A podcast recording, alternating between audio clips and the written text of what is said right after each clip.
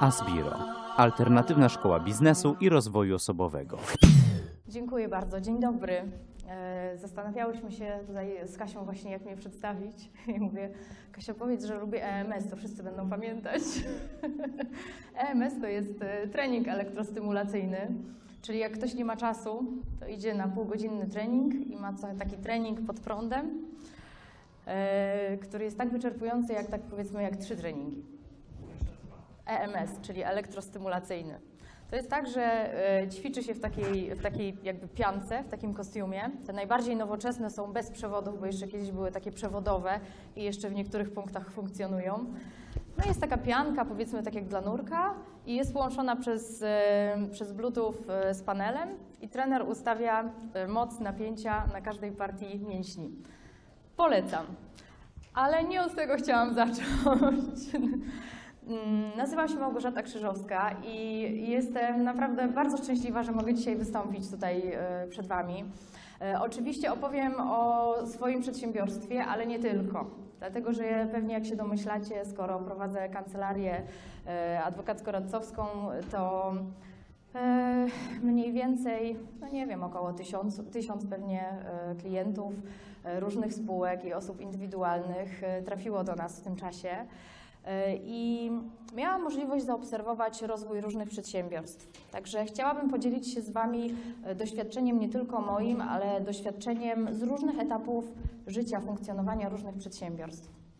E, Ale jeszcze zanim powiem coś o sobie, ponieważ już jest już jest prawie 15, e, na pewno cukier będzie na nis- niskim poziomie, więc trochę ćwiczeń. Mam taką prośbę, żeby prawą rękę do góry podnieśli ci, którzy jeszcze nie założyli swojego, swojej firmy, swojego przedsiębiorstwa. Mhm. w sensie formalnym. Tak.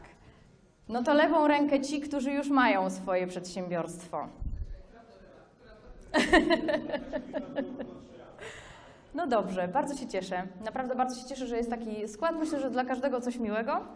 E, Prezentacja jest, mm, no jest dość długa, nie ukrywam, e, dlatego przejdźmy może do e, pierwszego slajdu, bo zależało mi na tym, żeby w ciągu tych trzech godzin jak najwięcej powiedzieć, jak największą wiedzą i doświadczeniem i określonymi konkretnymi narzędziami się podzielić.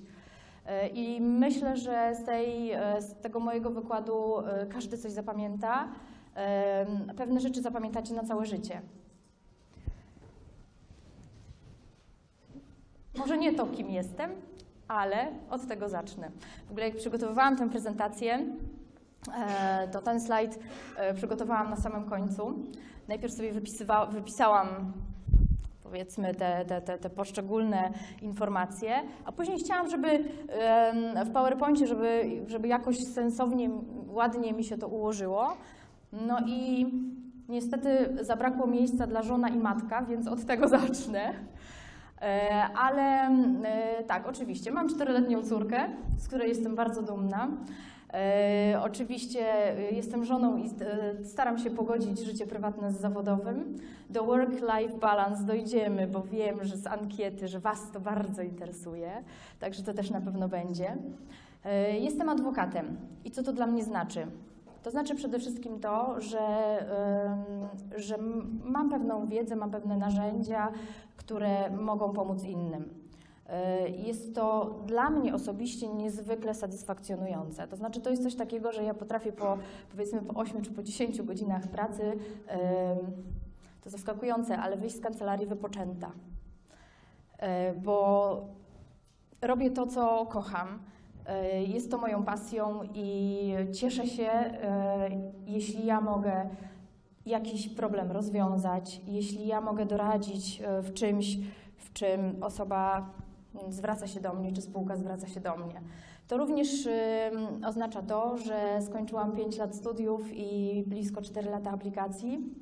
E, Następnie przez e, kolejne 10 lat rozwijałam swoją kancelarię.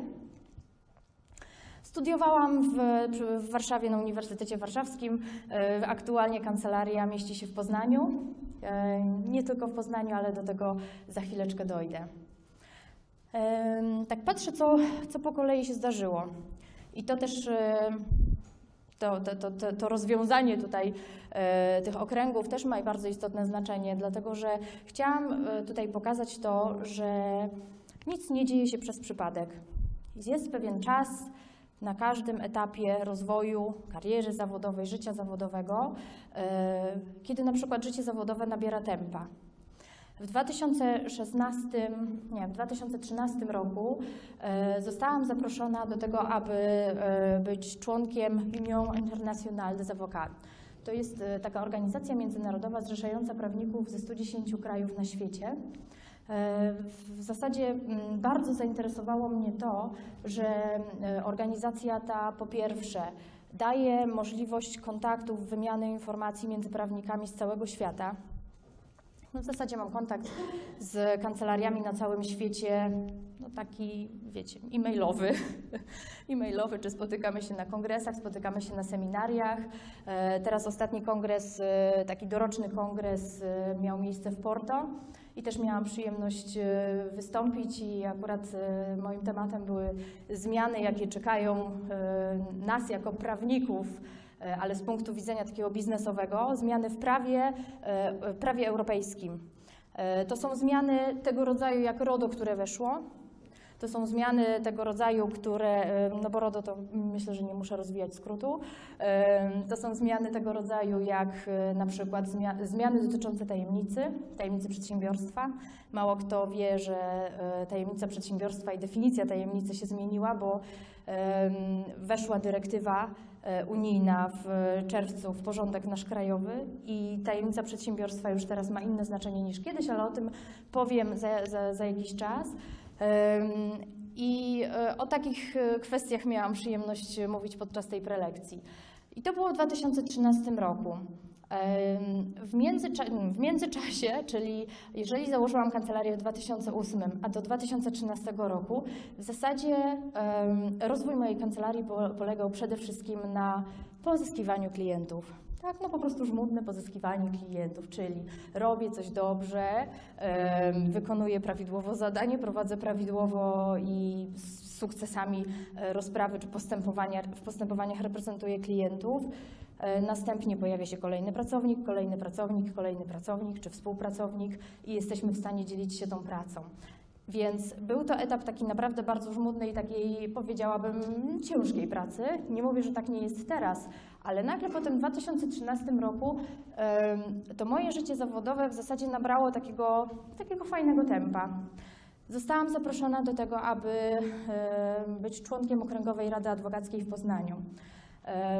To jest tak, że w każdym okręgu w Polsce są izby adwokackie. Czyli jeżeli na przykład w Wielkopolsce mamy 1500 prawników, e, adwokatów, to Rada Adwokacka jest swoistym takim zarządem dla tej izby.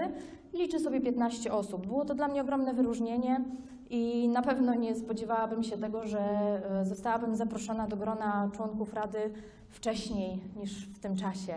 Także podkreślam i naprawdę y, trzymam się tej dewizy, że na wszystko przyjdzie czas, tylko po prostu trzeba w danym momencie wykonywać to, co, co nam życie przynosi, y, najlepiej jak się potrafi.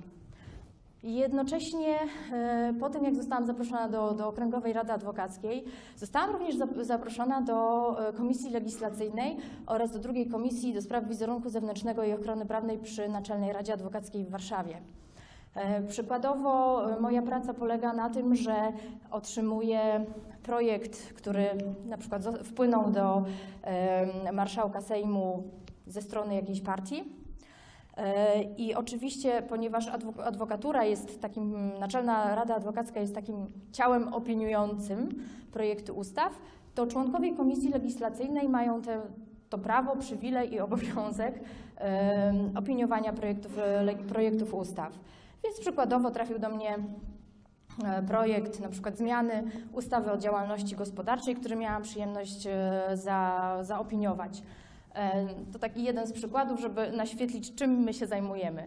Oczywiście wizerunkowo, no to po prostu staramy się pokazywać, w jak wielu miejscach i jak bardzo pomagamy przedsiębiorcom i osobom indywidualnym. Najczęściej adwokaci są kojarzeni zresztą ze sprawami karnymi.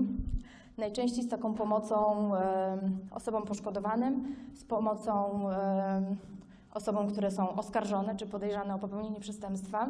Natomiast wielu adwokatów robi naprawdę bardzo, bardzo ważną, ważne, mm, dużo, dużo dobrego dla przedsiębiorców. E, Uczestniczymy również, i to też była jedna z moich inicjatyw, uczestniczymy również e, w konferencjach dla przedsiębiorców. Pokazujemy, że pomagamy przedsiębiorcom i że e, jesteśmy w, stan, w stanie zapewnić, może nie zagwarantować, ale zapewnić taką ochronę, taki parasol, który nie jest związany z e, wysokimi kosztami, który nie jest związany z, z tym, że wy będziecie mieli więcej pracy. Uważam, że adwokat powinien przejąć od przedsiębiorcy problem czy zadanie i dać mu gotowe rozwiązanie. Jednocześnie, mniej więcej w tym samym czasie, również zostałam zaproszona do tego, aby e, zostać konsultantką Krajowej Izby Gospodarczej. I myślę, że tutaj teraz e, następny krok jest takim moim chyba najważniejszym krokiem, e, czy najważniejszym zdarzeniem w życiu mojej kancelarii, dlatego że w 2016 roku, dlatego że w 2013 zostałam członkiem e, tej organizacji międzynarodowej i dlatego, że poznałam pewnych, pewne osoby, prawników z innych krajów, dlatego, że mm, brałam udział w wydarzeniach tego, e, te, tej organizacji. Osoby poznały mnie ze strony biznesowej, ze strony prawnej i zostałam zaproszona do stworzenia kancelarii międzynarodowej. I to zdarzyło się w 2016 roku. Było nas pięciu partnerów założycieli. Inicjatorem był e, Jacob Stein z Kalifornii, który zaprosił mnie właśnie do tego projektu. Czyli ja byłam drugą osobą, trzecią osobą e, był Femi z Nigerii, e, czwartą osobą był Akosz z Budapesztu i piątą osobą był Gidi z Tel Awiwu. No i tak się porwaliśmy na taki właśnie projekt, że założyliśmy sobie kancelarię międzynarodową. Wygląda to tak, że aktualnie każda z tych osób ma swoją kancelarię w danym kraju, ale jednocześnie założyliśmy w Zurichu kancelarię międzynarodową. Dlaczego w Zurichu? Ponieważ w Zurichu jest taka możliwość, w Szwajcarii jest taka możliwość założenia tak zwanego Swiss Verein. To jest coś na zasadzie spółki partnerskiej. Czy wiecie, co to jest spółka partnerska? Ja to wyjaśnię. Jeżeli ktoś sobie życzy, mogę wyjaśnić. Tak? Spółka partnerska, mamy w, w kodeksie spółek handlowych mamy spółki osobowe, tak zwane spółki kapitałowe. Spółki kapi, kapitałowe to spółka ZO i spółka akcyjna, czyli mają swój własny kapitał em, i mają swoje zarządy, a spółki osobowe to innymi spółka jawna, e, spółka komandytowa, to spółka komandytowa akcyjna i spółka partnerska. Spółka partnerska ma to do siebie, że może być założona wyłącznie przez e, osoby wykonujące wolny zawód, czyli nie przez każdego. Może być założona przez architektów, przez adwokatów. I polega to generalnie na tym, że skoro ja mam kancelarię w formie spółki partnerskiej i mam kilku partnerów, to za zobowiązania danego partnera, który świadczył usługi na rzecz klienta, ja nie odpowiadam, tylko ten partner. W innych formach prawnych to jest niemożliwe. No, trzeba było obrać taką for, formę prawną y, właśnie dla celów y, w zasadzie ochrony pozostałych partnerów. I w, na prawie szwajcarskim jest właśnie coś podobnego, jak, nazywa się właśnie Swiss Verein, czyli my funkcjonujemy w poszczególnych kraju, krajach pod jedną tożsamą marką, czyli Alliant albo Alliant.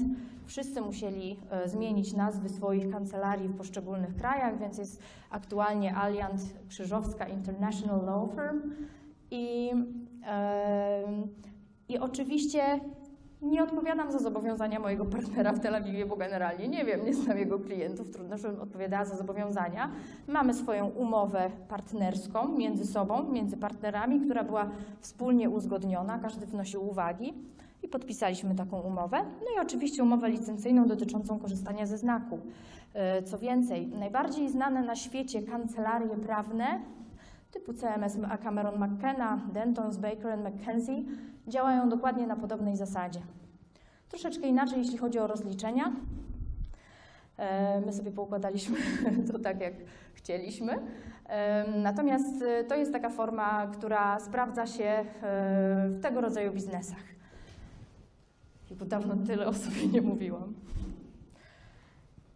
E, Ponieważ e, są wśród nas osoby, które myślą o założeniu firmy, e, należy sobie odpowiedzieć na różne pytania. I jeszcze tak, czy są jakieś pytania w ogóle na tym etapie, może do mnie? W ogóle t- chciałabym, no właśnie, chciałabym powiedzieć, że jeżeli macie pytania, to e, jak ja będę długo mówiła, to, to możecie przerwać. Chyba, że potem gdzieś tam pod koniec okaże się, że jeszcze mam dużo do powiedzenia, to wtedy być może będę stopować, żeby jak najwięcej powiedzieć, tego materiału przekazać, ale generalnie oczywiście bardzo proszę o pytania. Mam pytanie, czy żeby właśnie być w tej kategorii wolnych zawodów, to wystarczy wpis w PKD, czy, czy co potrzeba? To, to musi być zgodne z tym, e, czyli no, jeżeli jesteś architektem i na przykład, tak, i pozostał... Weryfikowane, czy na przykład jestem rzeczoznawcą majątkowym, czy, czy właśnie prawnikiem, czy ja muszę mieć jakieś dokumenty, to Nie wiem, jak to się odbywa w KRS-ie, przyznam szczerze, bo jakoś e, nigdy się nad tym nie zastanawiałam. Natomiast e, no myślę, że no nie warto ryzykować, no bo jeżeli, znaczy tak, albo będzie wymóg po prostu przedłożenia rzeczywiście dokumentów, ja przypuszczam, że taki wymóg jest jako załącznik pewnie do formularza do KRS-u. Zresztą musi być i tak umowa spółki, no, z niej musi wynikać, że, że wyprowadzicie tego rodzaju działalność. Jeżeli nie, no to narazilibyście się, no wiadomo, na, na, na wprowadzanie w błąd, a to myślę, że groziłyby za to większe konsekwencje niż samo po prostu założenie tej spółki partnerskiej. Jakkolwiek myślę, że rzeczywiście KRS to weryfikuje, więc nie ma takiej możliwości, żeby Krajowy Rejestr Sądowy na etapie tworzenia spółki. Mhm. Dziękuję. Proszę. A to jest dobre pytanie, bardzo dziękuję. No właśnie, bo, no właśnie, bo e, na ogół przeprowadzamy się do większych miast. E, No właśnie, myślę, że to jest awans i powiem tak, i powiem tak, e, do Poznania przeprowadziłam się, to jest w ogóle bardzo ciekawa historia, dlatego że o, właśnie, to może przedstawię rynek usług prawniczych, ale tak pokrótce, żeby, żeby nie zanudzać. W mniej więcej w 2005 roku Kiedy ja startowałam na aplikację adwokacką, czyli skończyłam studia i złożyłam e, dokumenty, żeby dostać się na aplikację adwokacką, Trybunał Konstytucyjny orzekł, że dotychczasowe zasady naboru na aplikację adwokacką, radcowską są niezgodne z konstytucją. Pewnie gdzieś tam słyszeliście, że zawsze, że zawsze rynek usług prawniczych to taki zamknięty rynek kiedyś był, a potem się otworzył. Trochę to tak jest. Polegało to generalnie na tym, że była na przykład określona liczba miejsc y, na aplikację, y, na aplikacji w danym roku i na przykład w danym roku, nie wiem, w Katowicach czy w Rzeszowie załóżmy przyjmowano 10 osób na dany rok. Generalnie ustawodawca później zmierzał do tego, żeby każdy miał możliwości, że tak powiem, żeby ten krąg osób nie był zamknięty, tylko kto zda egzamin, to po prostu dostaje się na aplikację. Ja byłam ostatnim rocznikiem, który e, jeszcze na roku aplikacji e, w Poznaniu miał 34 osoby. Następny, następny rok to było mniej więcej 120 osób. Ale mówię tutaj, zaczynam tutaj od tego, dlatego że mm, tamtym roku właśnie, kiedy ten Trybunał Konstytucyjny tak orzekł, okazało się, że żaden okręg e, nie, nie będzie robił naboru na aplikację, no bo w tym momencie nie ma takiej możliwości, a jeszcze nie weszły w życie, w ogóle jeszcze nie, nie, nie ustanowiono nowego prawa, nowych przepisów. Ale Poznań był sprytny i ponieważ, i ponieważ, em, ponieważ e, wiadomo było, że ta sprawa będzie przedmiotem rozpoznania Trybunału Konstytucyjnego, to w Poznaniu dość szybko e, ogłoszono nabór i postanowiono, że po prostu na starych zasadach, skoro już zaczęli, to mogą skończyć. I dlatego z uwagi na to, że w zasadzie mm, wiedziałam, że, że, że najwcześniej Poznań Poznań organizuje ten nabór, dlatego zgłosiłam się do Poznania. No jak wiadomo, jak już człowiek mieszka gdzieś 2, 3, 4 lata, no to, no to wiecie, bardzo często zostaje w tym miejscu. No można, można, ale, no ale męża tam poznałam, więc no. Dobrze. Jakie pytanie? Jeszcze może pytania? Mhm.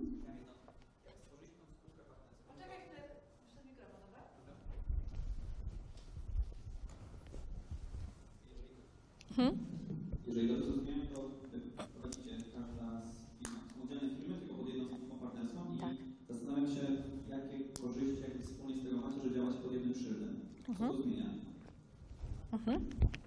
Bardzo ciekawe pytanie. Myślę, że e, wszyscy zakładając tę spółkę zastanawiali się nad tym, e, czy będzie warto, e, czy nie. I tak na dobrą sprawę zależało nam na tym, żeby dostosować się w zasadzie do galopującego ogólnie rynku. Jest globalizacja, my mamy w tej chwili bardzo dużo inwestycji międzynarodowych w Polsce i podobnie w innych krajach. Działamy, myślę, że bardzo elastycznie w- różnych krajach na rynkach międzynarodowych. Mamy na przykład też e, klientów e, z zagranicy. W zasadzie moja kancelaria no, ma, ma ponad 50% obsługi takiej zagranicznej, w tym sensie, że na przykład e, spółka z zagranicy poszukuje kancelarii prawnej w Polsce. No i na przykład my, że tak powiem, mamy to doświadczenie i kompetencje i możemy tak działać. I chcieliśmy się rozwijać w tym kierunku. I myślę, że każda z tych e, kancelarii e, chciała właśnie tego rozwoju nabrać, żeby, żeby nabrał tempa ten rozwój międzynarodowy. I trudniej lokalnej kancelarii, z, że tak powiem, z lokalną nazwą, łatwiej kancelarii, która jest jednak takim partnerem międzynarodowym, zwłaszcza, że to nie jest tak, że my jesteśmy nadal w piątkę, już teraz nas jest, jesteśmy w 13 krajach. Także po prostu rozwijamy się i coraz więcej kancelarii widzi sens w tym, po to, żeby właśnie rozwijać e, możliwość świadczenia usług na arenie międzynarodowej, żeby być coraz bardziej rozpoznawalną marką. Dobrze, a pilota tutaj zostawiłam z wrażenia. Trochę będę czytać, bo rzeczywiście tych slajdów tak dużo przygotowałam, czyli tak. e, Zaczynamy przedsiębiorstwo, czyli myślimy o tym, żeby, żeby przedsiębiorstwo założyć. E, Oczywiście, no wiadomo, że musimy się zastanowić, nad tym się każdy zastanawia, czy opłaca się zakładać firmę i czy będzie ona przynosiła oczekiwane zyski. Ale generalnie e, trzeba zwrócić uwagę na to, że wiele osób e, zastanawia się właśnie, m, będąc na etacie, czy swoją firmę założyć i czy będzie ona mm, przynosiła zyski. No, trzeba pamiętać o tym, że jeżeli mamy, że tak powiem, stabilne źródło e, dochodów, to firma jest tego przeciwieństwem. Tak? No, jeżeli e, mamy własne przedsiębiorstwo, e, to, to na ogół, oczywiście zależy od branży, zależy od produktu, od tego, co sprzedajemy, ale generalnie no, musimy się nastawić na bardzo duże ryzyko. Musimy pamiętać, że trzeba mieć oszczędności na co najmniej 6 miesięcy prowadzenia działalności, a więc my musimy przewidzieć na samym początku, e, jakie będą koszty prowadzenia firmy. Na przykład czasami do nas zbliża- zbliżają, zgłaszają się klienci, e, którzy pytają, a jaki kapitał zakładowy e, mam ustalić? Na przykład chcemy założyć spółkę ZOI, jaki kapitał zakładowy? No i wiele jest takich e, spółek, na przykład z tym kapitałem minimalnym 5 tysięcy złotych, podczas gdy no, koszty miesięczne są wyższe. Jak to księgowo wtedy e, zrobić, jeśli koszty są wyższe, a kapitał mamy tylko 5 tysięcy? No to wtedy albo pożyczki od wspólników, do, dodatkowa biurokracja, dodatkowe dokumenty. Ustalamy, zawsze sugeruję, żeby ten, ten kapitał zakładowy, albo przynajmniej, żeby na zapasowym jednak był, był jakiś zapas, żeby później mieć pieniądze na to, żeby zapłacić czynsz, żeby zapłacić pracownikowi pierwszemu, żeby zapłacić ZUS, żeby zapłacić wszystkie inne opłaty związane na przykład z kupnem oprogramowania, bo wtedy to już nie jest, już nie jest e, powiedzmy Windows Home, tylko ta wersja dla biznesu. E, My na przykład mamy Lex, e, czy tam są, są, takie firmy, są- takie firmy oprogramowania prawnicze, z których my musimy korzystać i, i nie ma takiej możliwości, żebym ja bez takiego oprogramowania, za które płacę na przykład 7 czy 8 tysięcy, no żebym mogła funkcjonować, no bo mam całą bazę e, prawniczą, całą bazę wszystkich orzeczeń, e, komentarzy i wszystkich ustaw i rozporządzeń. Są pewne koszty, które musimy po prostu zaplanować.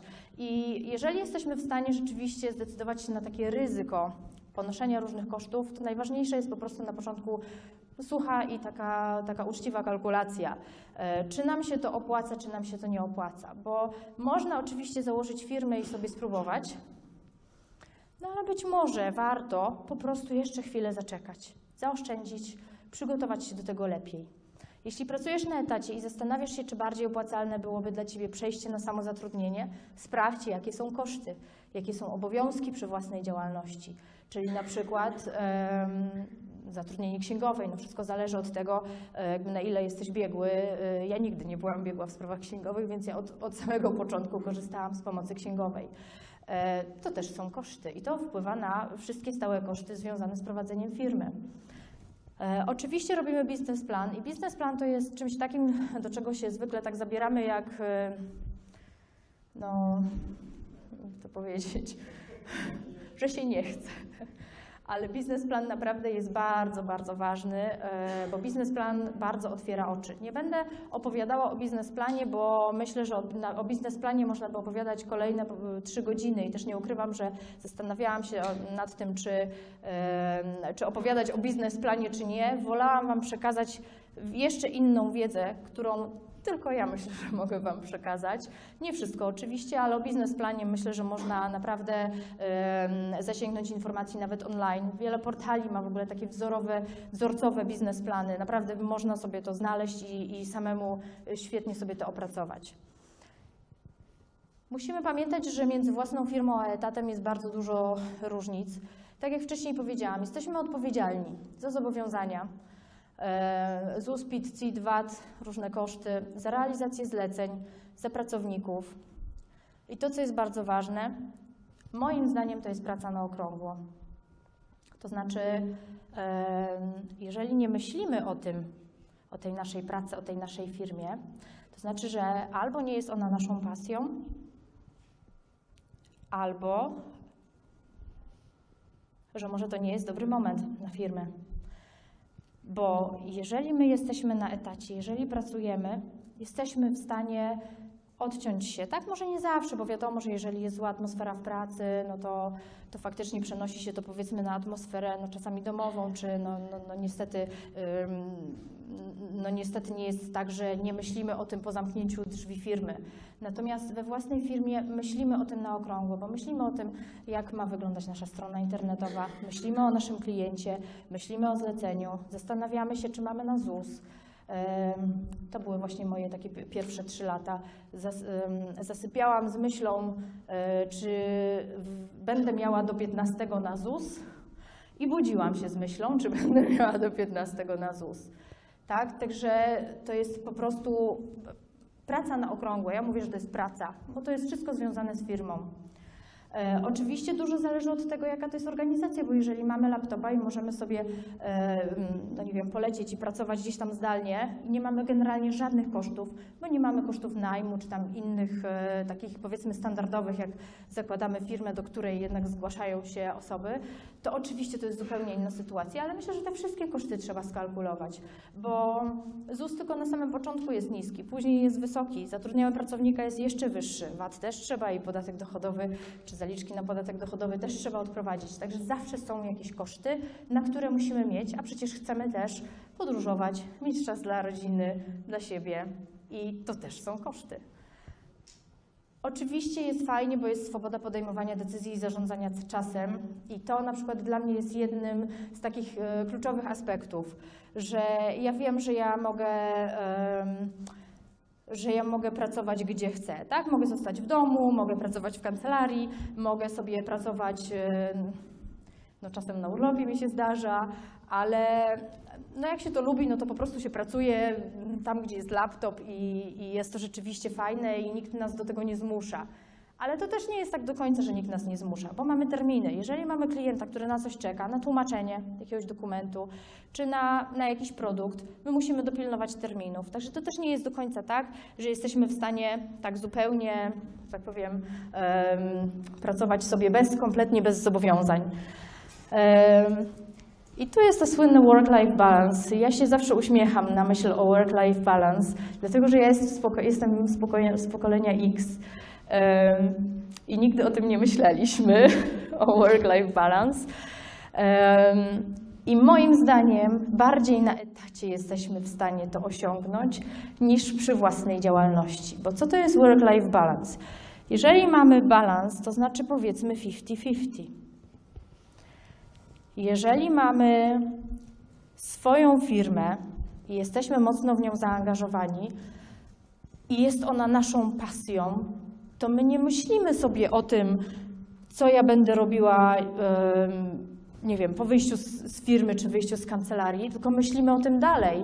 Jak zdobyć kolejny rynek, kolejnego e, klienta, jak sprzedać mój produkt do Dubaju. I my nie myślimy w ogóle wtedy o tym, albo mniej, znacznie mniej niż się wydaje, że sobie usiądę z książką i będę, e, i będę sobie wieczorem czytać książkę. Bo jeżeli firma jest pasją, to pochłania nas całkowicie. I moim zdaniem zdecydowanie łatwiej osiągnąć wbrew pozorom work-life balance na etacie niż we własnej firmie.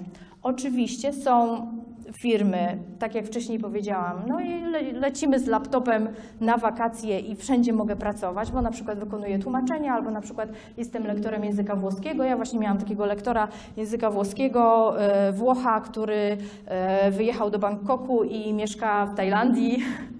I, i naprawdę, no i, i fajna praca. Em, rewelacja. Natomiast ja mówię tutaj o, wiecie, o takich bardziej przyziemnych przypadkach po prostu założenia firm. I co to jest jeszcze e, work-life balance? Jeżeli zamykamy drzwi firmy naszej, gdzie pracujemy u jakiegoś pracodawcy i myślimy tylko o tym, żeby do 15, do 17 na przykład skończyć, to jeżeli tego nie zrobimy, jesteśmy nieszczęśliwi, że, że zachwiało to naszym właśnie celem, że, że nie udało nam się tego celu osiągnąć. Więc jeżeli kurczowo trzymamy się tego założenia work-life balance, to może to wbrew pozorom wywołać u nas e, rozterki w sytuacji, kiedy nie jesteśmy w stanie tego osiągnąć. Ja oczywiście też zdaję sobie sprawę z tego, że em, wiele e, osób, myślę, że wielu z Was miało no, takie osobiste pewnie doświadczenia, że rodzice pracowali, pracowali długo, dziecko z kluczem na szyi. Ja nigdy tak nie będę pracował jak mój rodzic, jak moja mama, czy tam jak e, mój tato. Ostatnio właśnie też rozmawiałam z moją, e, z moją asystentką i, i, i mówię do niej, "Słuchaj, niech mi pani powie, no o co w tym chodzi? Przecież jeżeli jeżeli lubię moją pracę, no to dlaczego ja już kurczowo tutaj stoję przy drzwiach o tej 17? Ona wprawdzie e, na szczęście tak nie robi, ale widzę jednak, obserwuję, że, że jednak to pokolenie YZ dąży do tego. No i właśnie ona mówi, że moja mama pracuje do godziny 22, jest w firmie niezastąpiona. I po prostu wiele, wielu rodziców z mojego pokolenia mniej więcej w tym, w tym duchu i na takiej samej zasadzie pracowało i my tak nie chcemy. My chcemy mieć swój, swoje sprawy, swoje życie prywatne, czas dla rodziny i chcemy po prostu szanować e, tych bliskich, z którymi jesteśmy i nie zostawiać rodziny czy powiedzmy najbliższych e, tak jak nasi rodzice. I to jest dla mnie totalnie zrozumiałe. Ja to naprawdę rozumiem. Tylko nie popadajmy w drugą skrajność. Mi tylko o to chodzi. Zadajemy sobie pytania. Na ogół są to pytania takie, dlaczego chcesz złożyć, założyć przedsiębiorstwo, bo masz pewne doświadczenie i chciałbyś je wykorzystać, albo masz pieniądze, to jest rzadziej, a nie masz doświadczenia, albo masz dość szefa. To jest takie ogólne, wiadomo, to generalnie chodzi o to, że w danej firmie źle się dzieje gdzieś tam w moim otoczeniu i po prostu chcę, e, chcę to zmienić. I wtedy próbujemy podjąć decyzję. I teraz tak, jeżeli mamy doświadczenie, lecz nie mamy pieniędzy, no to wiadomo, że możemy zweryfikować możliwości uzyskania dofinansowania. Są różne możliwości uzyskania dofinansowania. Myślę, że jesteście bardziej biegli pewnie w, w sprawach internetowych niż ja i, i, i szybciej pewnie byście znaleźli mnóstwo programów, a naprawdę jest tego bardzo dużo. Oczywiście jest to kwestia biurokracji, no bo jest taka możliwość, żeby uzyskać dofinansowanie ze środków unijnych, natomiast faktycznie dla wielu zniechęcająca jest po prostu ta biurokracja z tym związana.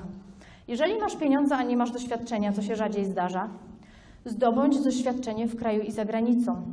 A być może mógłbyś zastanowić się nad pozyskaniem partnera z doświadczeniem. Jeśli chodzi o e, uzyskiwanie doświadczenia w kraju i za granicą, to pamiętajmy, że jesteśmy w Unii Europejskiej i każdy kraj w Unii ma mniej więcej jednolite, e, jednolite prawodawstwo i porządek prawny jest bardzo zbliżony. Nie wiem, czy, czy, czy orientujecie się na tyle w tym, natomiast to jest generalnie tak, że ponieważ jesteśmy w Unii i musieliśmy dostosować nasze prawo do porządku unijnego, to każdy poszczególny kraj musiał zrobić to samo. Dzięki czemu jesteśmy w stanie naprawdę dużo więcej wiedzy i doświadczenia zyskać, wyjeżdżając do innych krajów na wybrane kongresy, konferencje. Jest mnóstwo wydarzeń, które dodadzą nam wiedzy na temat tego, co chcemy zrobić, na temat tego, nie wiem, jaki produkt chcemy wyprodukować, a może okaże się, że e, gdzieś za granicą, nie wiem, w Niemczech e, poznamy partnera, który chciał akurat ten produkt wprowadzić na rynek polski na temat tego, jak układają się w ogóle e, biznesy i relacje w poszczególnych e, krajach i jak najwięcej wiedzy. Na- Bardzo ważne jest moim zdaniem to, żeby jak najwięcej podróżować i żeby jak najwięcej wiedzy w tej danej dziedzinie uzyskać. To, co na przykład mi dało to e, uczestnictwo w tej organizacji Union Internationale des Avocats, to jest między innymi to, że dzięki temu miałam możliwość uczestniczenia w różnych seminariach seminaria dotyczące mediacji, które prowadził e, znakomity mediator, który na przykład e, doradzał prezydentowi USA e, przy konfliktach międzynarodowych. To, że miałam możliwość szkoleń biznesowych, bo nie tylko prawnicze, bo chodzi tutaj o to, żeby jak najbardziej się rozwinąć i rozwinąć taki krąg swoich kompetencji, nie tylko w danej dziedzinie, ale w różnych innych. W zarządzaniu, w relacjach międzyludzkich, tu chodzi o to, żeby jak najwięcej się nauczyć, bo doświadczenie to nie tylko to, że ja wiem, jak zrobić jakiś dany produkt. To jest to, jak go wprowadzić na rynek, jak pracować z ludźmi, jak utrzymać klienta, bo to nie jest tylko tak, że pozyskam klienta w dzisiejszych czasach, gdzie mamy bardzo dużą konkurencję. Musimy pracować nad tym, jak utrzymać klienta. Teraz mi się przypomina właśnie sytuacja mojego wyjazdu do Paryża, bo właśnie te, e, te seminaria, e, o których mówiłam, są w różnych krajach, w różnych miejscach. I raz byłam w Paryżu na seminarium. No i ponieważ one są takie, że tak powiem, całodniowe, no to gdzieś tam, e, powiedzmy, na zakupy już było niewiele czasu, no ale chciałam wejść do kilku sklepów, jakichś takich odzieżowych. No i weszłam tam do jednego sklepu i podchodzi do mnie, e, podchodzi do mnie właśnie tam ekspedientka i pyta, czego potrzebuje i jaką pani ma piękną marynarkę. Ja, no oczywiście, no fantastycznie się poczułam, no bo naprawdę, no bardzo mi się miło zrobiło. Em, Akurat w tym sklepie nic nie kupiłam, no ale generalnie byłam taka podbudowana. Wchodzę do drugiego sklepu, no i jest, słuchajcie, ta sama sytuacja. Jaką pani ma piękną marynarkę? Sobie myślę, co jest z tą marynarką? No nie wiem, jak normalna marynarka. No w tamtym sklepie drugim już coś kupiłam. Wchodzę do trzeciego sklepu. Jejku, pani kupiła coś w tym sklepie, które tak uwielbiam. Słuchajcie, to są metody sprzedaży, pozyskiwania klienta. Klienta, którego nie da się pozyskać, nie budując relacji. Pozyskiwanie i utrzymywanie klienta to jest budowanie relacji. I to są nowe techniki, które to, to jest pewnie jakiś prosty, banalny przykład, ale nie dowiedziałabym się tego, gdybym nie, nie pojechała, nie poleciała do tego Paryża. Natomiast e, my musimy budować relacje i to jest bardzo ważne dla utrzymania klienta. Więc w tym zakresie też powinniśmy się rozwijać, bo założenie firmy to nie tylko, że zakładam firmę, mam produkt albo mam jakąś usługę. Ważne, żeby się właśnie rozwijać. Masz dość aktualnej pracy. No to trzeba się zastanowić, czy to jest rzeczywiście stan przejściowy, czy to jest kryzys, czy to jest brak odpoczynku. Wiesz, czy masz kredyty i musisz je spłacić. To jest bardzo poważna sprawa, bo mamy bardzo dużo różnych zobowiązań. E, Większość ludzi e, rzeczywiście ma zobowiązania kredytowe e, i oczywiście można liczyć na to, że przecież firma się rozwinie. No ale co jeśli się nie rozwinie? Mamy rodziny, mamy zobowiązania. Więc czy posiadasz oszczędności na 6 do 12 miesięcy? To może się wydaje, może się wydaje takie niewiarygodne, ale naprawdę w wielu branżach jest tak, na przykład aktualnie w branży prawniczej, że, a zresztą my się nie możemy reklamować, więc, więc jakby tutaj mamy pewne ograniczone możliwości dotarcia do klientów. Proszę, proszę, tam nie, nie przeszkadza mi. Więc jeżeli nie masz oszczędności na 6 do 12 miesięcy, to zastanów się, czy to jest dobry moment na rozpoczęcie własnej działalności. I czy potrafisz zidentyfikować przyczyny zniechęcenia, bo może w ogóle tkwią gdzieś indziej, ale to pewnie na innym wykładzie już bardziej psychologicznym. I teraz tak. Określmy, jakie są założenia działalności. Czyli trzeba sobie odpowiedzieć na różne pytania. Tutaj wymieniłam kilka takich naprawdę e, chyba naj, no, istotnych e, z punktu widzenia tych e, przedsiębiorców, z którymi miałam do czynienia. Czy wiesz, czym kierują się klienci przy wyborze Twoich produktów lub usług? No bo tak, czy to jest coś popularnego, a więc e, czy sprzedaję e, na przykład e, no, jakieś produkty dla dzieci, dla małych dzieci, dla, w ogóle rynek e, produktów dla małych dzieci bardzo dynamicznie się rozwija, także polecam. Em, Czy jak, jak sprawisz, żeby klienci do Ciebie trafili i zostali na stałe? To jest to, co mówiłam o tym budowaniu relacji. Ale to nie jest nie tylko to. W każdej branży jest inaczej. Jeżeli mamy produkt, który, który będzie bardzo pożądany przez klientów, to pewnie to będzie sprawa drugorzędna. Natomiast jeżeli obracamy się e, w, na rynku, który jest bardzo konkurencyjny, to w takiej sytuacji bardzo ważne jest to, jak my dotrzemy do kolejnego klienta i go zatrzymamy. Bo jeżeli ja otwieram sklepik, taki sklepik na przykład z takimi po prostu mm, takimi rzeczami, no nie wiem, produktami powiedzmy pierwszej potrzeby. Mam chleb, mam wędliny, mam masło, mam generalnie wszystko, co ma tysiąc innych sklepów w moim, w moim mieście. To dla mnie jest ważne to i nie tylko dla mnie, dla wielu osób jest ważne to, jakie jest podejście tego, tego właściciela do klienta. Bo oczywiście e, w tej chwili, jeśli chodzi o budowanie relacji, no to mamy te relacje takie wirtualne. Mamy Messengera, mamy wiecie, WhatsApp i tam i internet i generalnie no to jest taki, taki trudny temat pewnie budowanie relacji. Natomiast cały czas, jeżeli mamy wybór i my możemy wybrać pomiędzy jednym sklepem a drugim, to nie wiem, czy ja, czy wiele innych osób pójdzie do tego sklepu, gdzie się po prostu bardziej starają.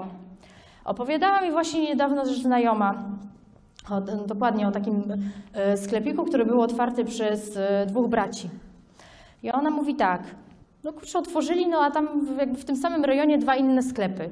Ale tak, no przychodzę, nie dość, że mnie potem kojarzą, jak już drugi raz przyszłam, to jeszcze zastanawiałam się tam nad wyborem jakiejś wędliny, a on mówi, proszę, niech pani skosztuje.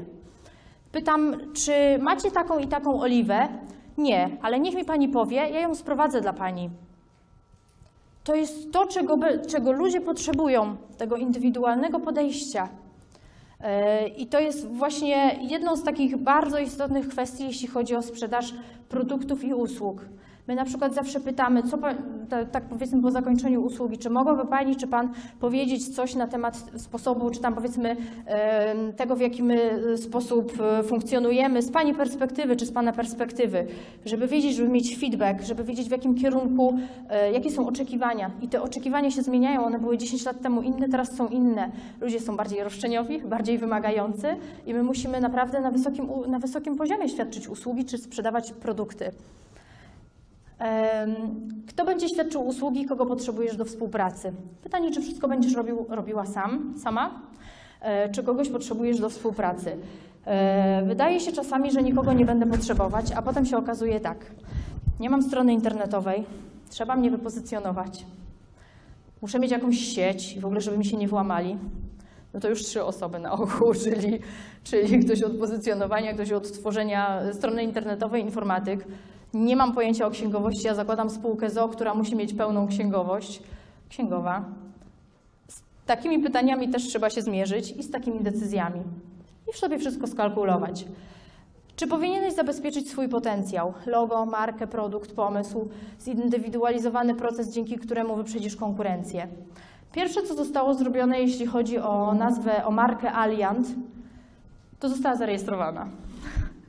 Zanim my, zanim my podjęliśmy w ogóle e, rozmowy na temat współpracy, ona takiej współpracy już, że tak powiem, na takim zaawansowanym etapie, została zarejestrowana marka Alliant.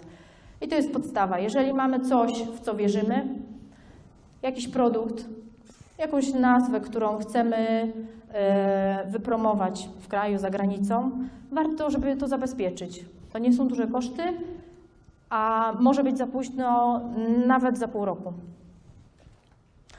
No i jaki styl zarządzania preferujesz? Ja na przykład preferuję taki styl zarządzania, że generalnie jak najwięcej deleguję i, i, i bardzo lubię mieć w swoim otoczeniu ludzi, którzy e, świadczą usługi na bardzo wysokim poziomie. Tylko, że to musi być taki poziom, jak ja prezentuję. Czyli e, czasami rzeczywiście jest tak, że wydaje mi się, że coś jest oczywiste, a jednak nie jest, zwłaszcza jeśli nowa osoba przychodzi do firmy. Natomiast e, generalnie trzeba sobie też zidentyfikować, zastanowić się, jaki styl zarządzania preferujesz. Czy bardziej taki, powiedzmy, dyrektywny, a to już Andrzej Burzyński Wam to wszystko powie na temat styli zarządzania, bo on jest ekspertem. Czym kierują się klienci przy wyborze Twoich produktów lub usług? Czy Ty, tego, czy ty to wiesz? Czy to jest pod... Myślę, że to jest... Mhm. Trzeba się nad tym zastanowić. To wszystko za... Tak.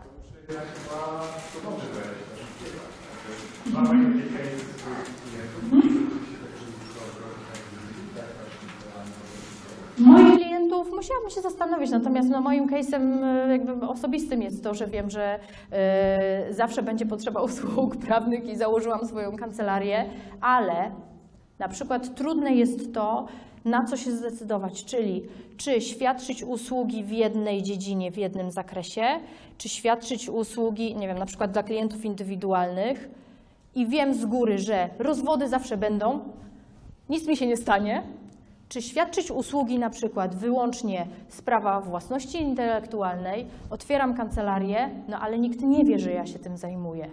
Kto do mnie trafi, jeżeli popyt na te usługi jest stosunkowo niewielki?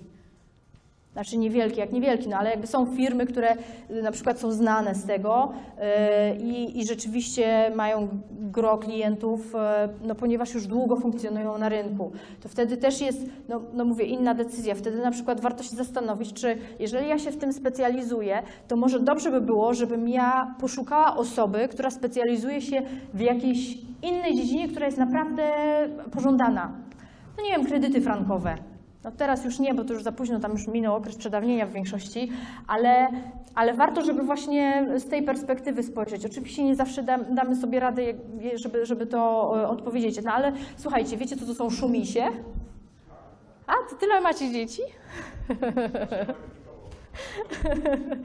No, słuchajcie, no fantastyczny produkt, no bo każde małe dziecko zasypia przy suszarce, odkurzaczu, yy, no i innych takich głośnych, tak? Tak, Takie niemowlęta właśnie uwielbiają, taki, taki, taki stały, monotonny dźwięk. No i właśnie panie sobie wpadły na pomysł, że wyprodukują szumisia, czyli misio, który szumi.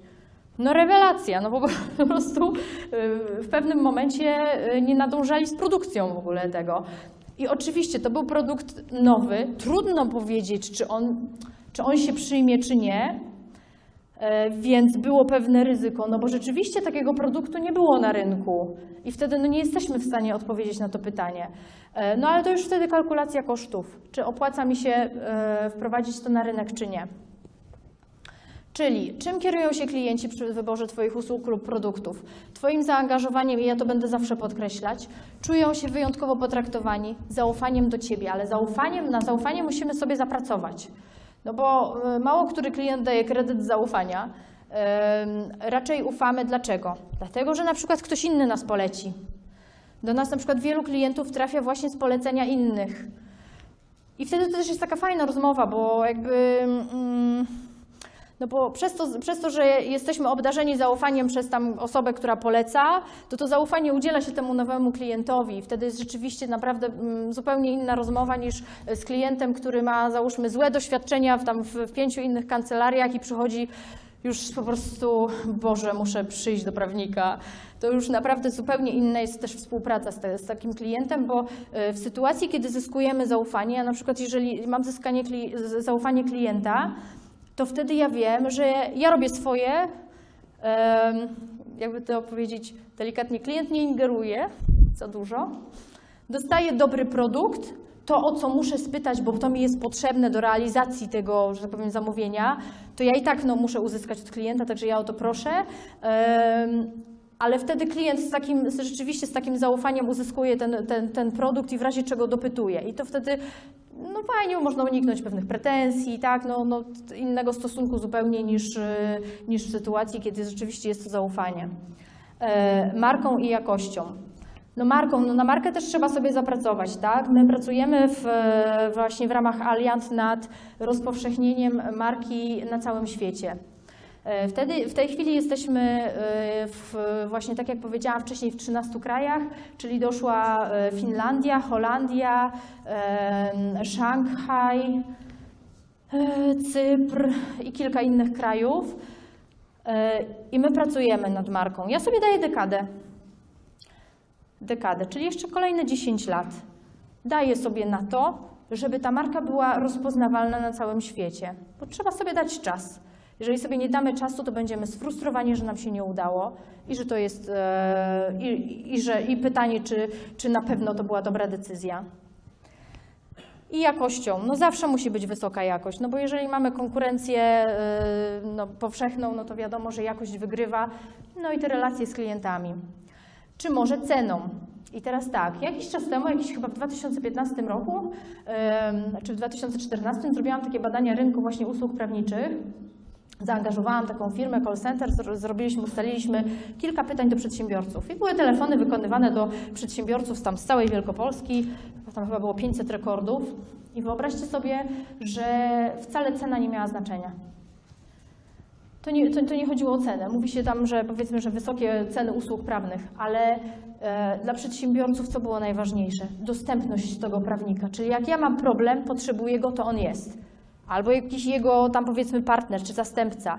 Czyli ta dostępność, że, je, że, że, że mogę ten problem, czy powiedzmy daną rzecz, e, czy na przykład, e, nie wiem, negocjować coś z tym moim prawnikiem nie za tydzień, tylko już.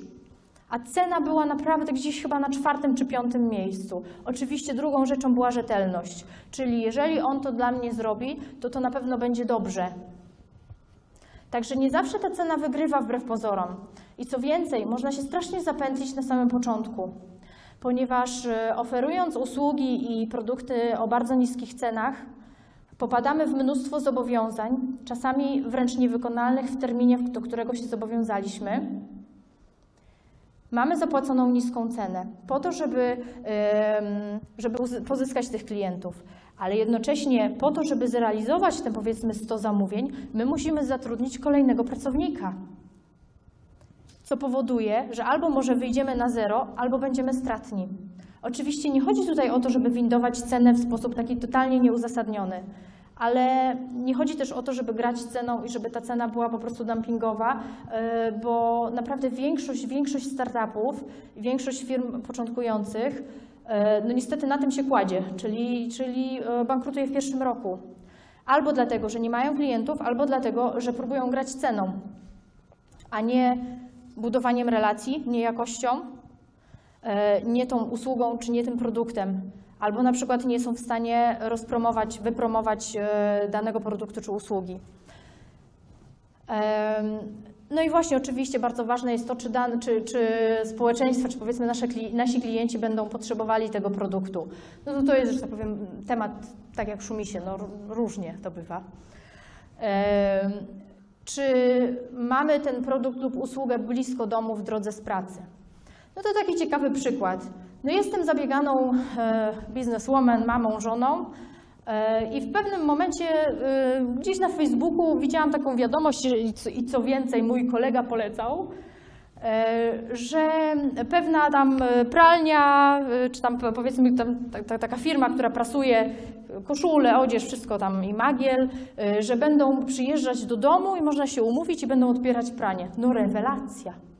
Nie dość, że, e, jakby, że nie muszę tracić czasu, żeby tam specjalnie powiedzmy jeździć i zawozić, to jeszcze przywiozą, odwi- odwiozą, cena ta sama. No wspaniale. To jest wyjście też naprzeciw e, oczekiwaniom klienta i coś więcej niż, niż to, co robi konkurencja. Mamy polecenia ze strony innych osób i rekomendacje. Tak jak powiedziałam, no to jest naprawdę klucz do sukcesu.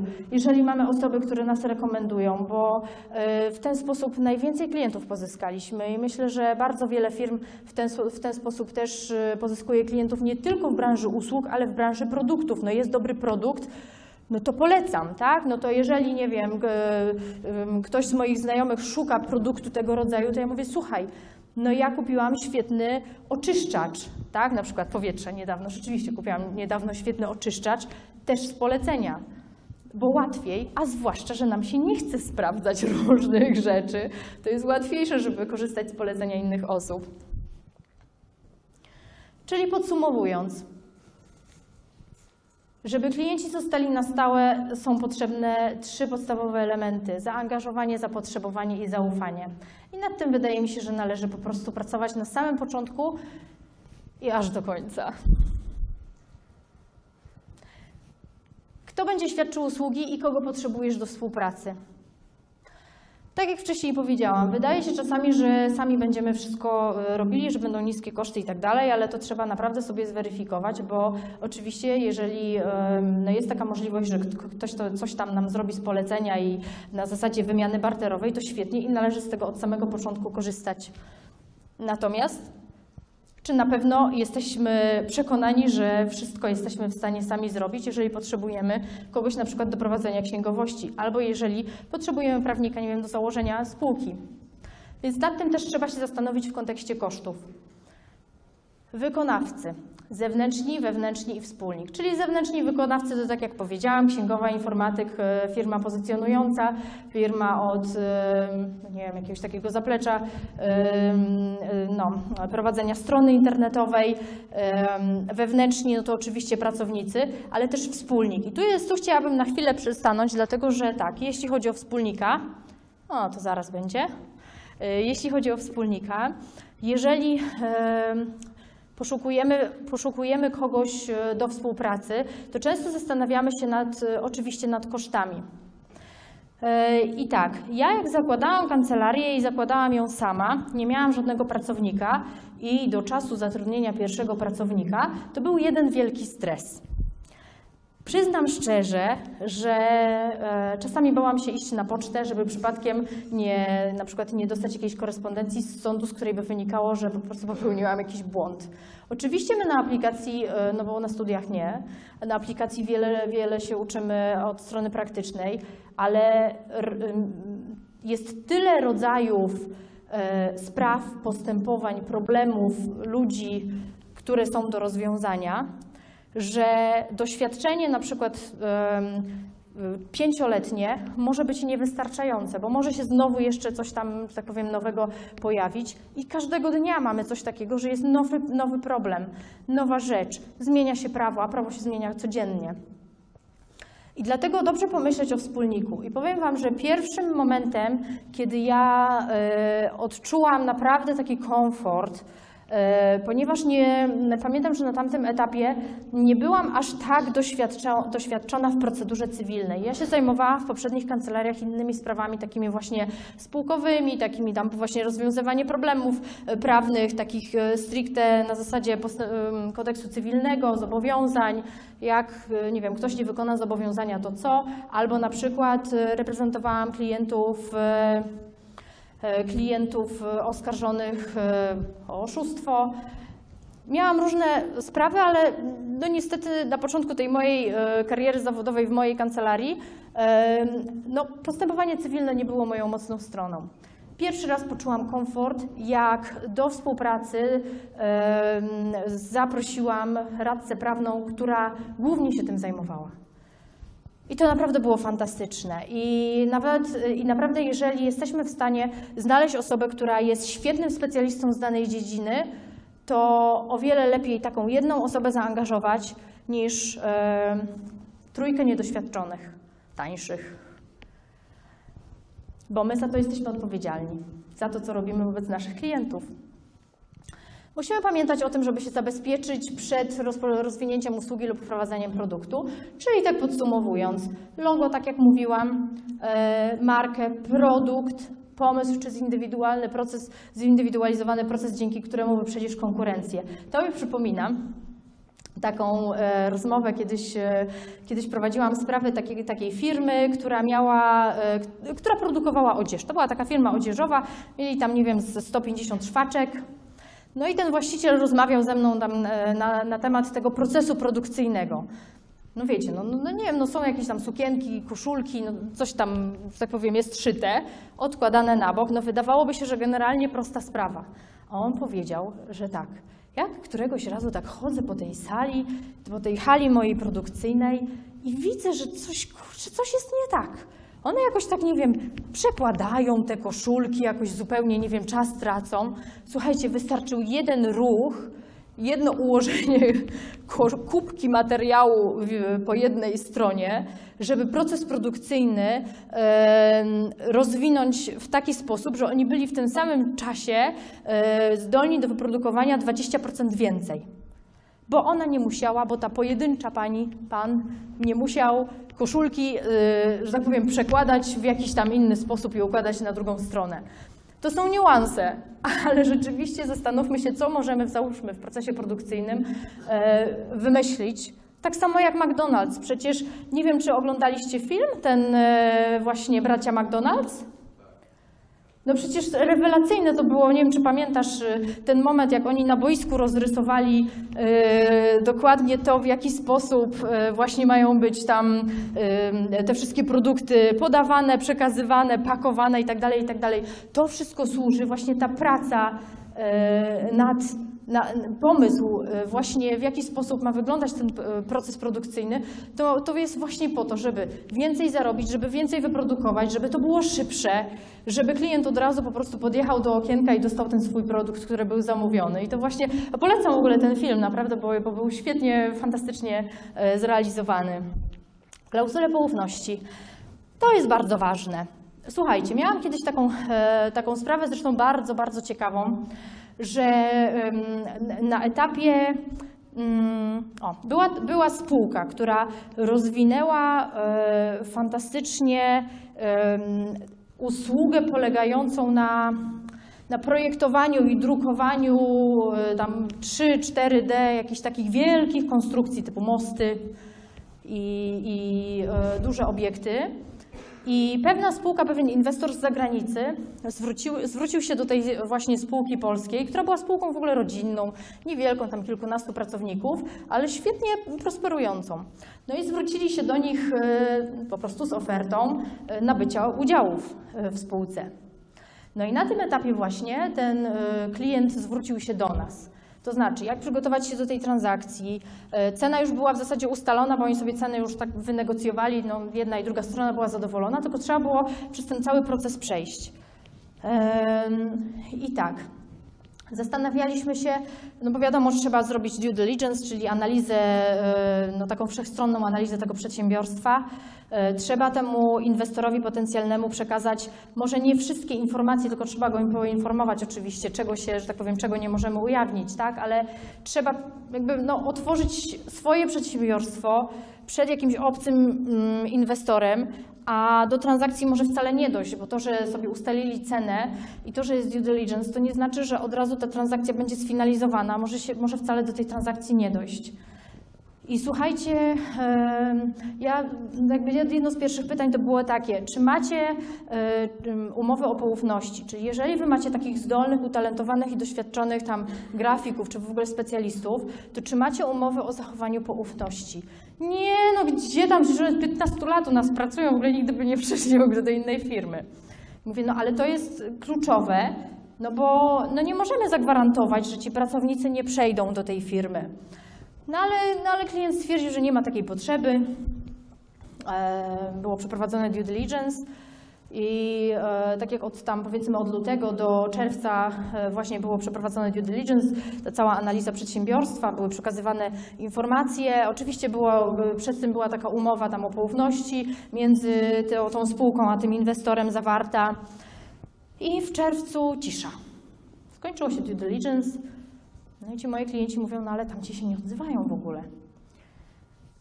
No jak się nie odzywają? No, no nie odzywają się w ogóle. No pisaliśmy maila w ogóle bez odzewu. Ja mówię, no to ja się zwrócę tam z zapytaniem. No i inwestor powiedział, bardzo dziękuję, no ale nie są zainteresowani. I tak, w lipcu pojawiła się na rynku, na rynku, no pojawiła się oferta pracy. Pojawiły się oferty pracy. Jakiejś polskiej firmy, dokładnie na te stanowiska. Te stanowiska, które właśnie tam tych, specjalistów. No oczywiście, jeżeli ktoś jest w danej branży, no to generalnie wie, że, że na przykład jest oferta z, powiedzmy konkurencyjna.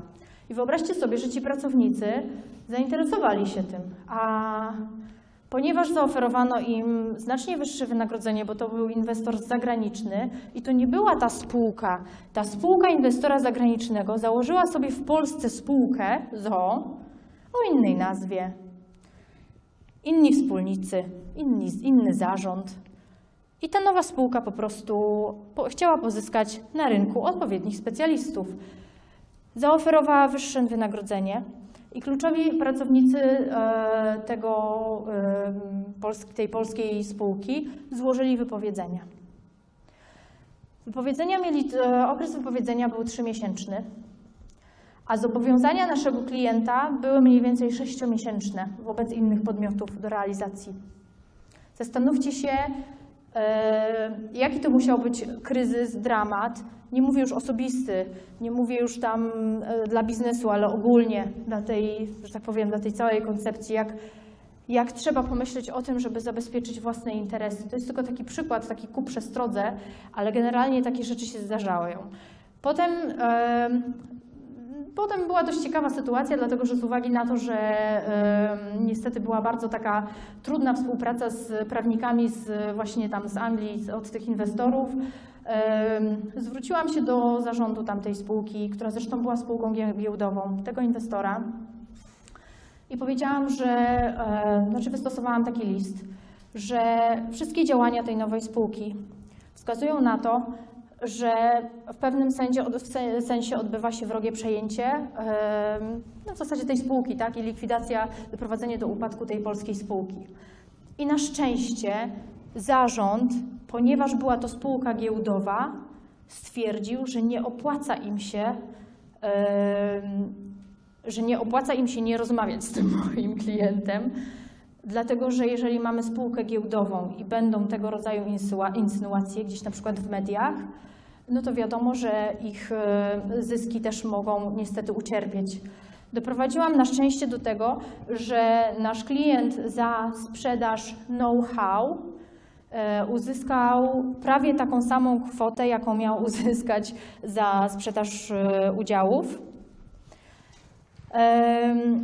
Ale jest to naprawdę taki, myślę, że taki dość ciekawy przypadek, którym chciałam się z Wami podzielić w kontekście tego, jak bardzo trzeba zabezpieczyć się, jeśli chodzi właśnie o kwestię poufności.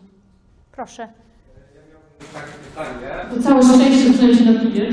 Tak, e, odnośnie tej klauzuli ufności w stosunku do pracowników.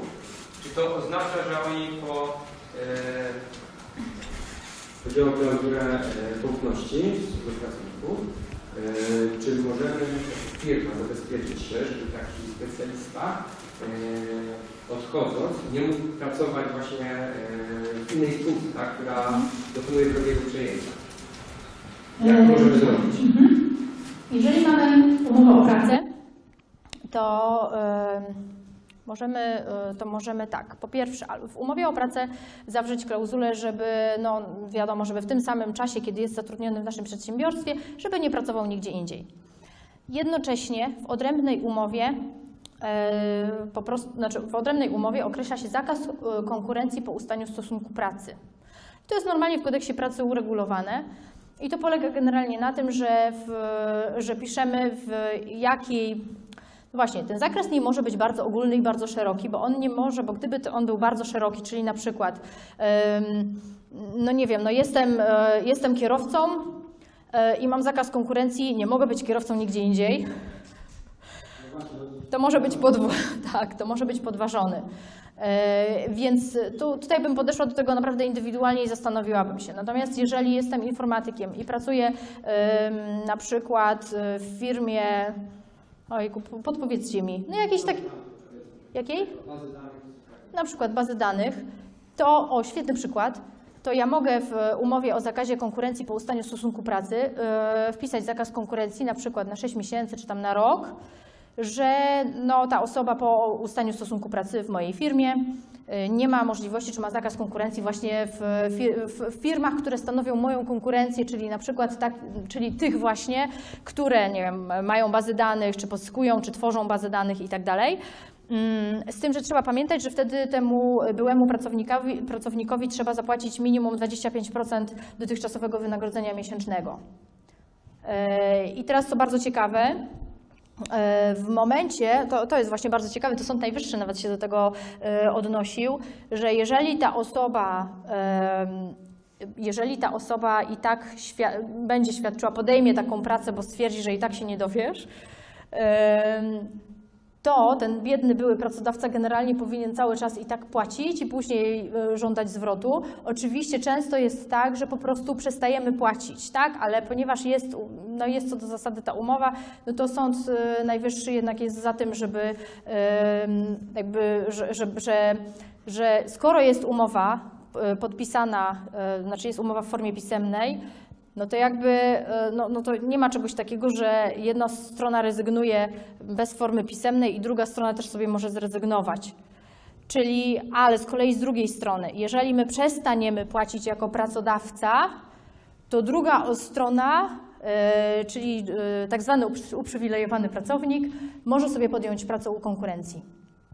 Tak, czyli jeżeli na przykład nam się, my stwierdzimy, dobra, w sumie ten zakaz konkurencji, no właściwie on tam nic nam, nie wiem, nie, nie zaszkodzi, możemy przestać, y, y, jeżeli przestaniemy, jeżeli przestaniemy płacić, to on ma prawo y, rzeczywiście się, no, zwrócić do konkurencji, czy tam podjąć pracę w konkurencyjnym przedsiębiorstwie. Drugim problemem jest to, że wtedy może żądać i tak tego odszkodowania, do którego był uprawniony, no i wtedy my musimy wykazywać, że no ale pan i tak świadczył pracę w konkurencji, no ale to zawsze jednak jest tam sprawa sądowa.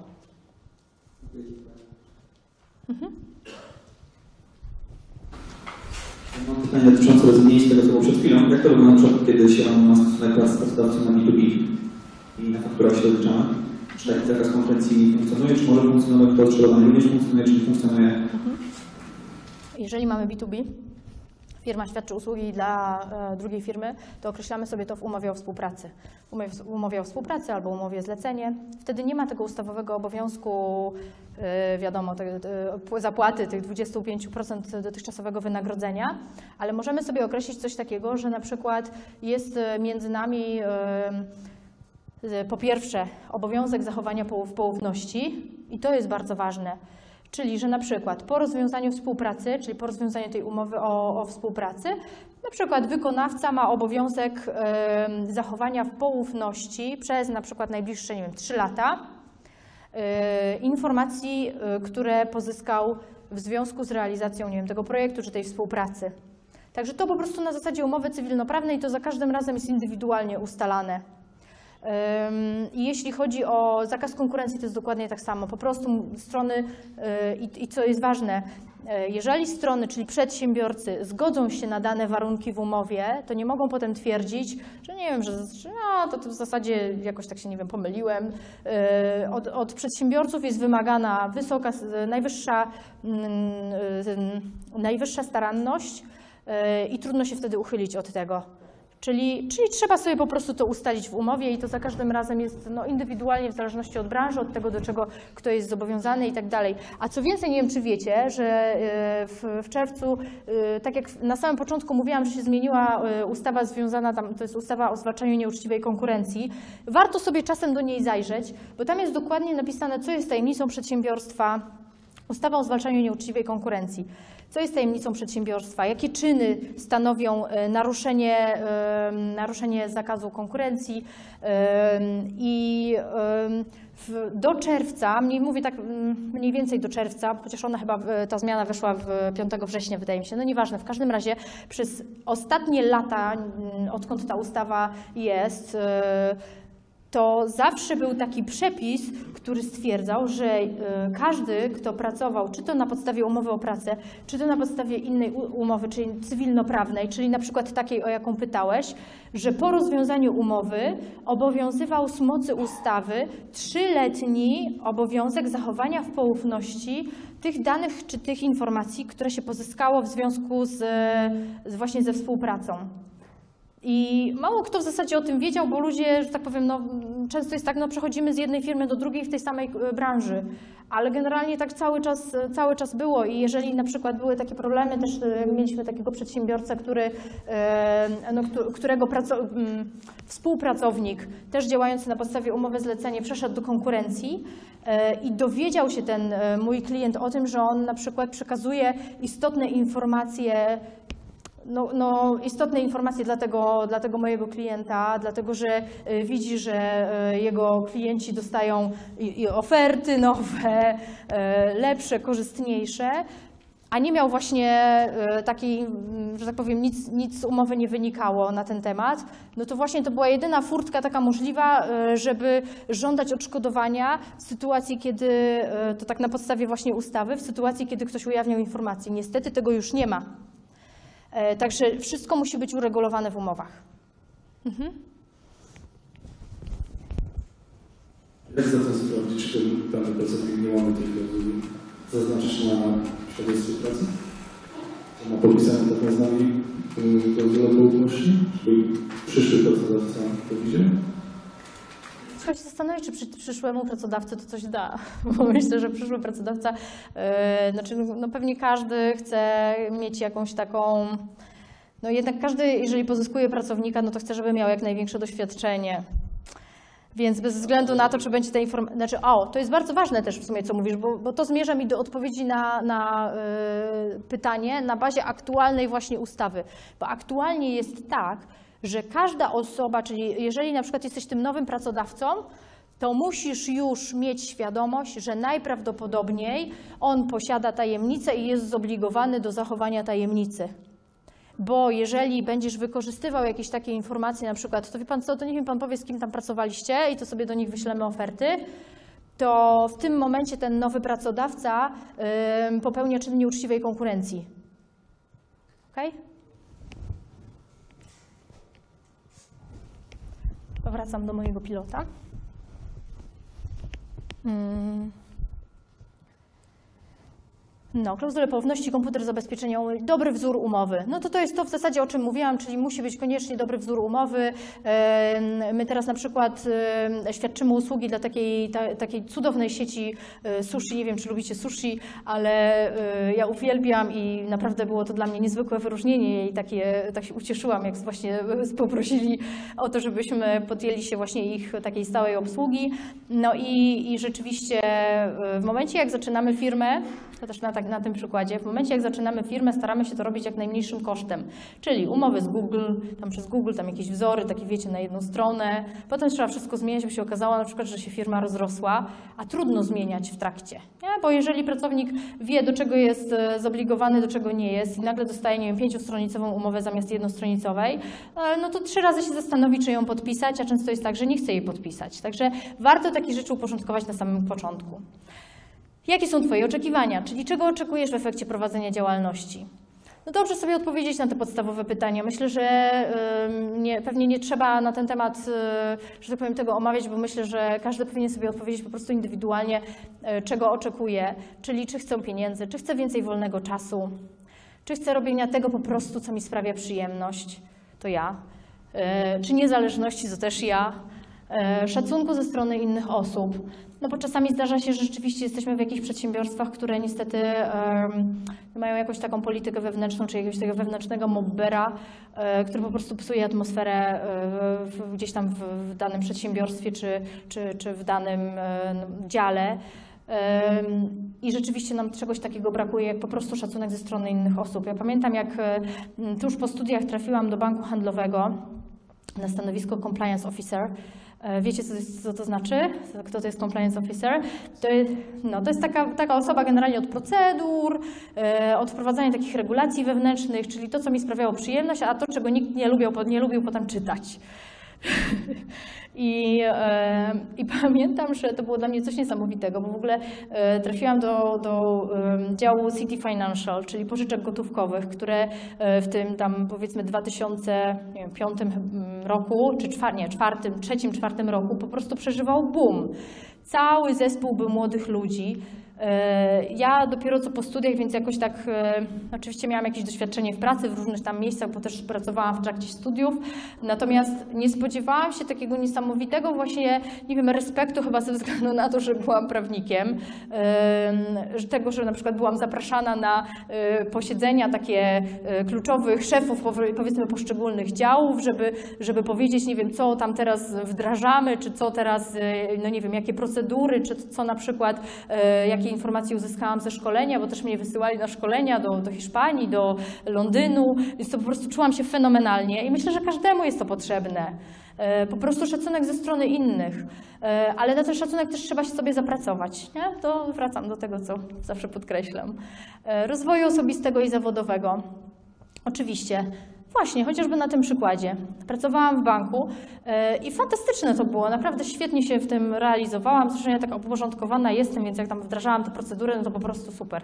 Ale e, wiedziałam, że to nie jest praca na następne 10 lat, bo ja nie byłabym w stanie tego robić cały czas.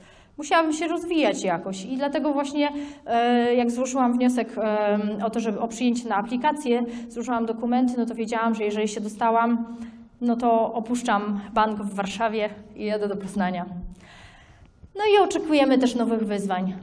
Tak, myślę, że, myślę, że to, to chyba jest y, to, czego na pewno oczekujemy, bo myślę, że nadzieja y, na to, co się zdarzy, że zdarzy się coś fajnego, jest czymś, co nam dodaje skrzydeł i co nas motywuje.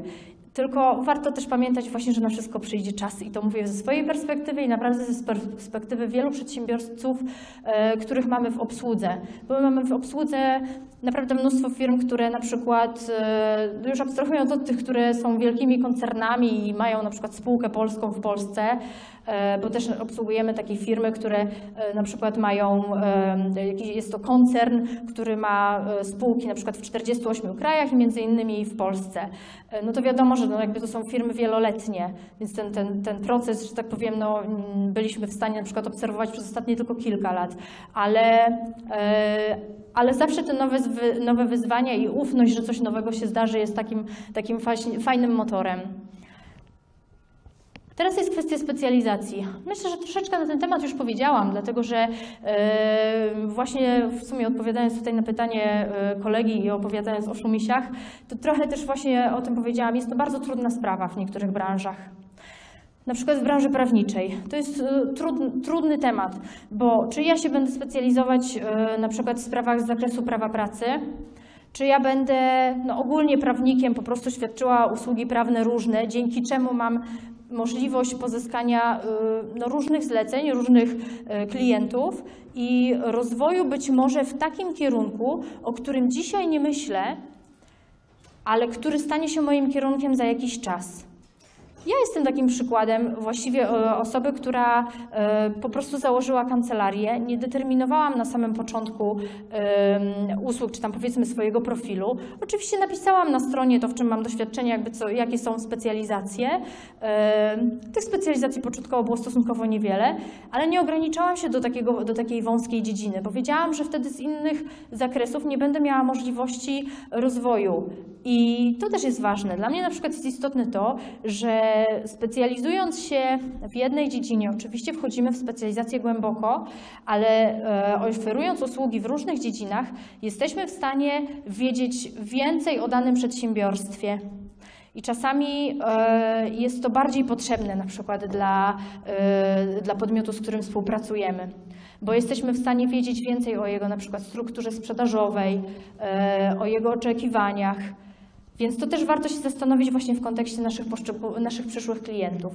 Czy będzie popyt na tę usługę, no to wiadomo, to czasami trudno y, to określić. Zastanawiamy się też, czy w pojedynkę, czy ze wspólnikiem. Ostatnio rozmawiałam z moją znajomą, też z branży, i ona mówi tak: Słuchaj, y, mam bardzo dobrą pracownicę. Jest naprawdę rewelacyjna merytorycznie. E, pisze pisma tak jak ja. To jest dla nas prawników ważne. W tym, w tym samym stylu. E, nic swojej nie muszę poprawiać. No rewelacja. I zastanawiam się, czy jej, czy jej nie zaprosić do tego, żeby była moim wspólnikiem. Ale tak nie do końca jej ufam. Tylko i mówi do mnie, tylko wiesz co, bałabym się, że boję się, że ona ode mnie odejdzie, jeżeli jej tego nie zaproponuję, bo ja wierzę, że ona na pewno będzie chciała się rozwinąć. Na pewno, no nie wiem, być może tego oczekuje, że w końcu będzie moim partnerem. Boję się, że ona odejdzie. Nigdy nie doradzam e, zaproszenia e, w charakterze wspólnika osoby, co do której boimy się, że odejdzie, co do której nie mamy stuprocentowego zaufania, albo przynajmniej 99%. Taka osoba w pewnym momencie pojawi się w naszym życiu, że będziemy wiedzieli, że to ona. To trochę jak miłość, słuchajcie. Wiemy, że to ona. I rzeczywiście tak jest. Nie musimy się porywać na wspólnika od razu. Pytanie, czy jakie? Czy już razem pracowaliście? To jest podstawowe pytanie. Czasami jest tak, że e, tak na przykład też było w, na, po tym, jak skończyłam aplikację, że część osób założyła swoją kancelarię, część osób została u swoich patronów w kancelariach, a część osób, tak na przykład takie grupki były, że a fajnie, znamy się z aplikacji, założymy razem kancelarię. Nie wszystkie kancelarie przetrwały. Znaczy w sensie jakby nie, może nie w tym samym zestawie partnerów, bo oni wcześniej razem nie pracowali, bo okazywało się, że e, on sobie przychodził do kancelarii na 12, a ja na 7 i to było niesprawiedliwe. Albo że mieliśmy różne oczekiwania względem rozliczeń z klientami, to też jest bardzo ważne. Fajnie jest, jeśli możemy popracować z kimś razem. Jeżeli na przykład chcemy, żeby ta osoba wiedziała, że ją poważnie traktujemy, możemy zaproponować na przykład spółkę cywilną. Ja zakładam firmę w, CIDG, jednoosobowe przedsiębiorstwo. Ta osoba za- zakłada w CIDG jednoosobowe przedsiębiorstwo. Zawieramy spółkę cywilną, czyli taką umowę między nami. Jesteśmy, mhm, proszę.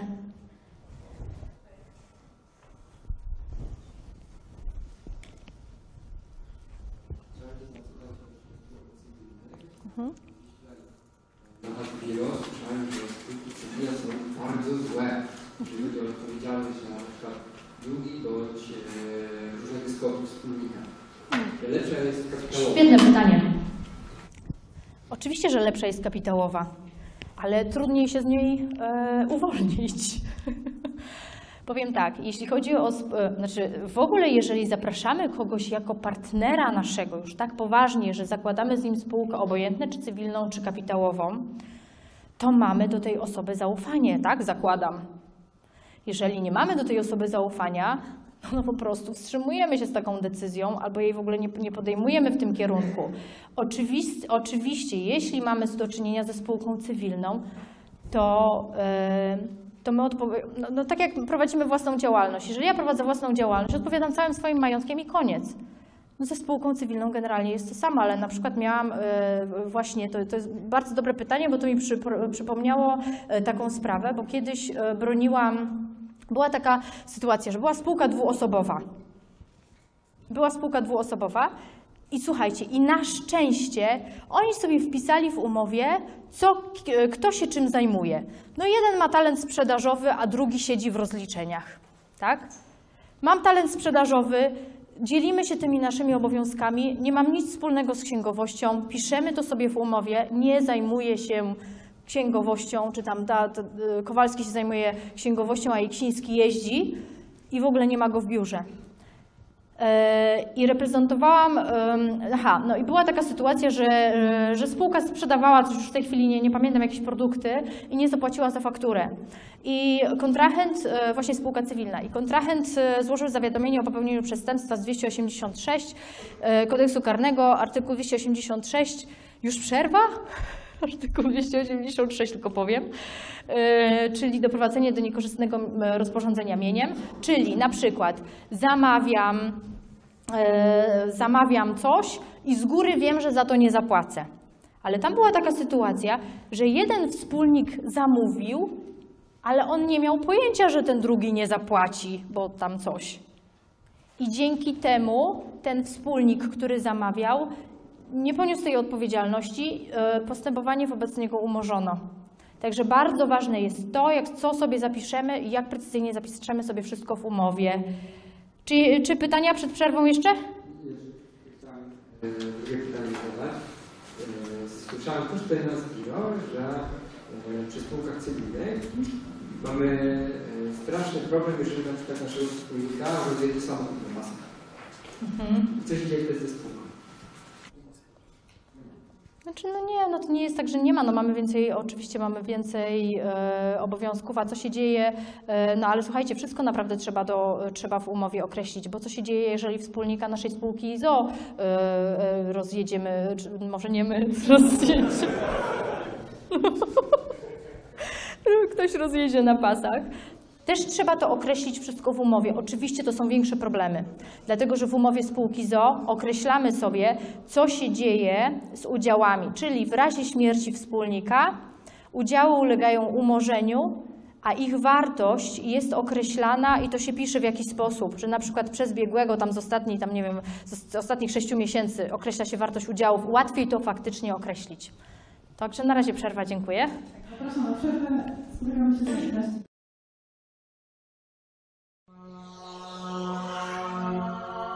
Asbiro. Alternatywna szkoła biznesu i rozwoju osobowego.